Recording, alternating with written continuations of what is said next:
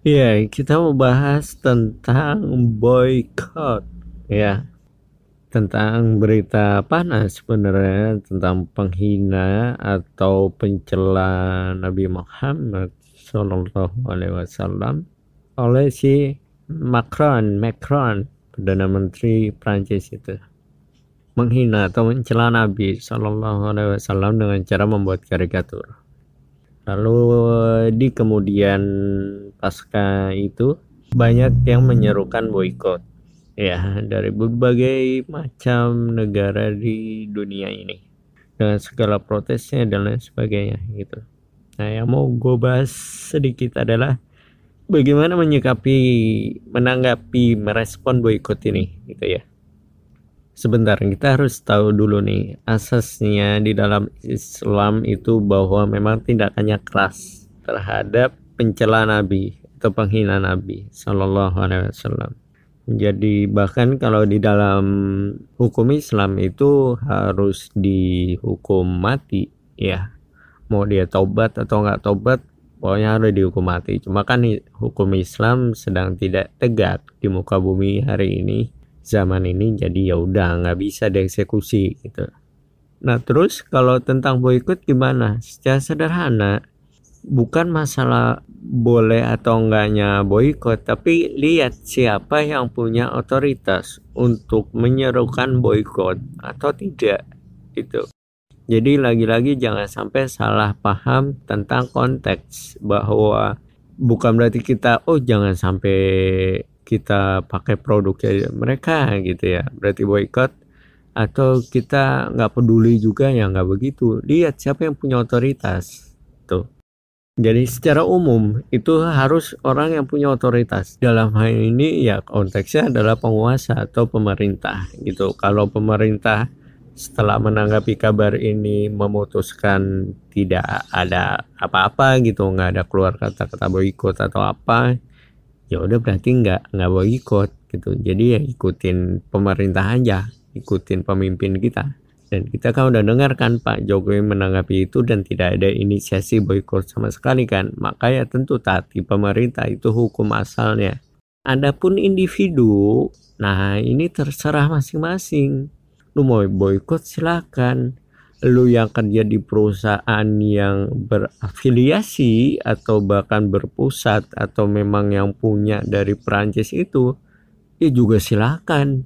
Itu. Tetapi ingat kita harus cerdas. Lihat mudorotnya ketika kita boykot ketika kita bahkan kalau kita karyawan di situ keluar dari situ itu ada atau enggak? Atau justru malah lebih besar mudorotnya gitu. Kalau misalnya kita tinggalin bisnis kita atau kita keluar dari perusahaan itu sebagai bentuk kemuliaan atas nabi tetapi kita enggak ngotak juga nah ini yang salah gitu. Jadi beragama nggak pakai perasaan aja atau nggak pakai akal aja atau logika aja tapi harus pakai dalil.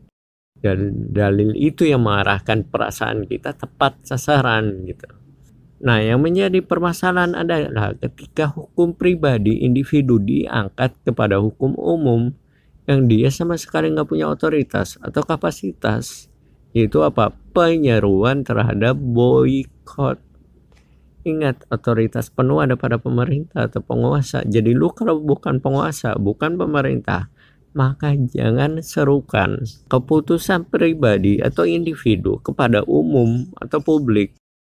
Itu. Entah lu ya siapa pun lu deh mau lu konteksnya pimpinan apa pimpinan apa. Kalau bukan penguasa di negeri ini Indonesia NKRI bukan pemerintah ya maka jangan menyerukan boykot. Karena itu udah kesalahan lainnya lagi. Karena lo bertindak di luar kapasitas lo dan itu udah salah dalam Islam. Jadi bukan masalah boykot atau enggaknya makanya ada hukum umum ya ada hukum individu. Kalau individu ya lo nilai deh mudorotnya ada apa enggak kalau lo boykot kalau lo tinggalin kerjaan lo itu. Kalau nggak ada silahkan aja namanya keputusan pribadi lo tanggung jawab. Tapi kalau udah konteksnya umum untuk orang banyak ya tentu harus punya kapasitas dan otoritas.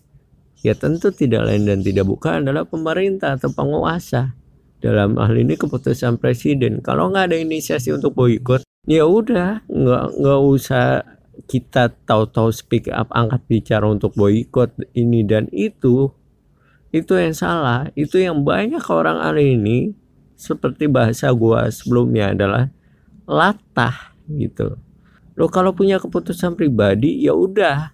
Tanggung jawab pribadi. Jangan lo suarakan itu kepada publik atau umum karena itu bukan otoritas dan kapasitas lo dan ingat secara umum hukumnya kalau lo bertindak di luar kapasitas atau otoritas lo sekalipun niatnya baik contoh amar ma'ruf nahi mungkar tuh baik nggak baik tapi caranya salah ya tentu salah nggak jadi pahala malah jadi dosa gitu. Makanya beragama nggak cuma pakai perasaan doang. Jangan baper yang dikedepankan kita marah marah nabi dihina begitu dibikin karikatur. Tapi jangan bodoh juga dengan menggelar aksi ini dan aksi itu. Lalu caranya tidak tepat. Bukan yang Islam ajarkan bukan begitu. Islam punya cara itu dan lihat juga lah kondisi zaman. Memang kita lagi nggak di atas.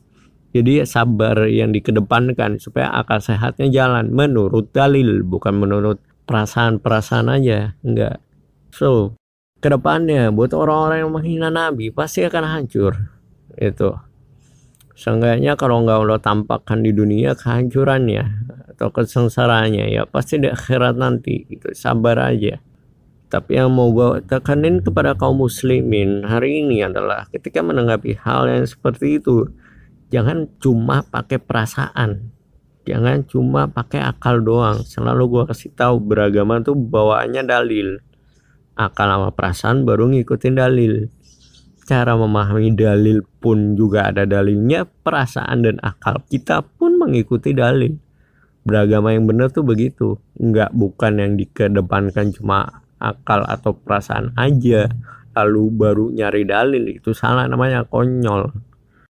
So buat teman-teman apa pun yang menjadi hype-nya tinggi yang menyentuh agama kita bersinggungan dengan agama kita Islam yang mulia dan sempurna ini maka jangan bertindak hanya berdasarkan akal atau logika aja dan hanya berdasarkan perasaan aja.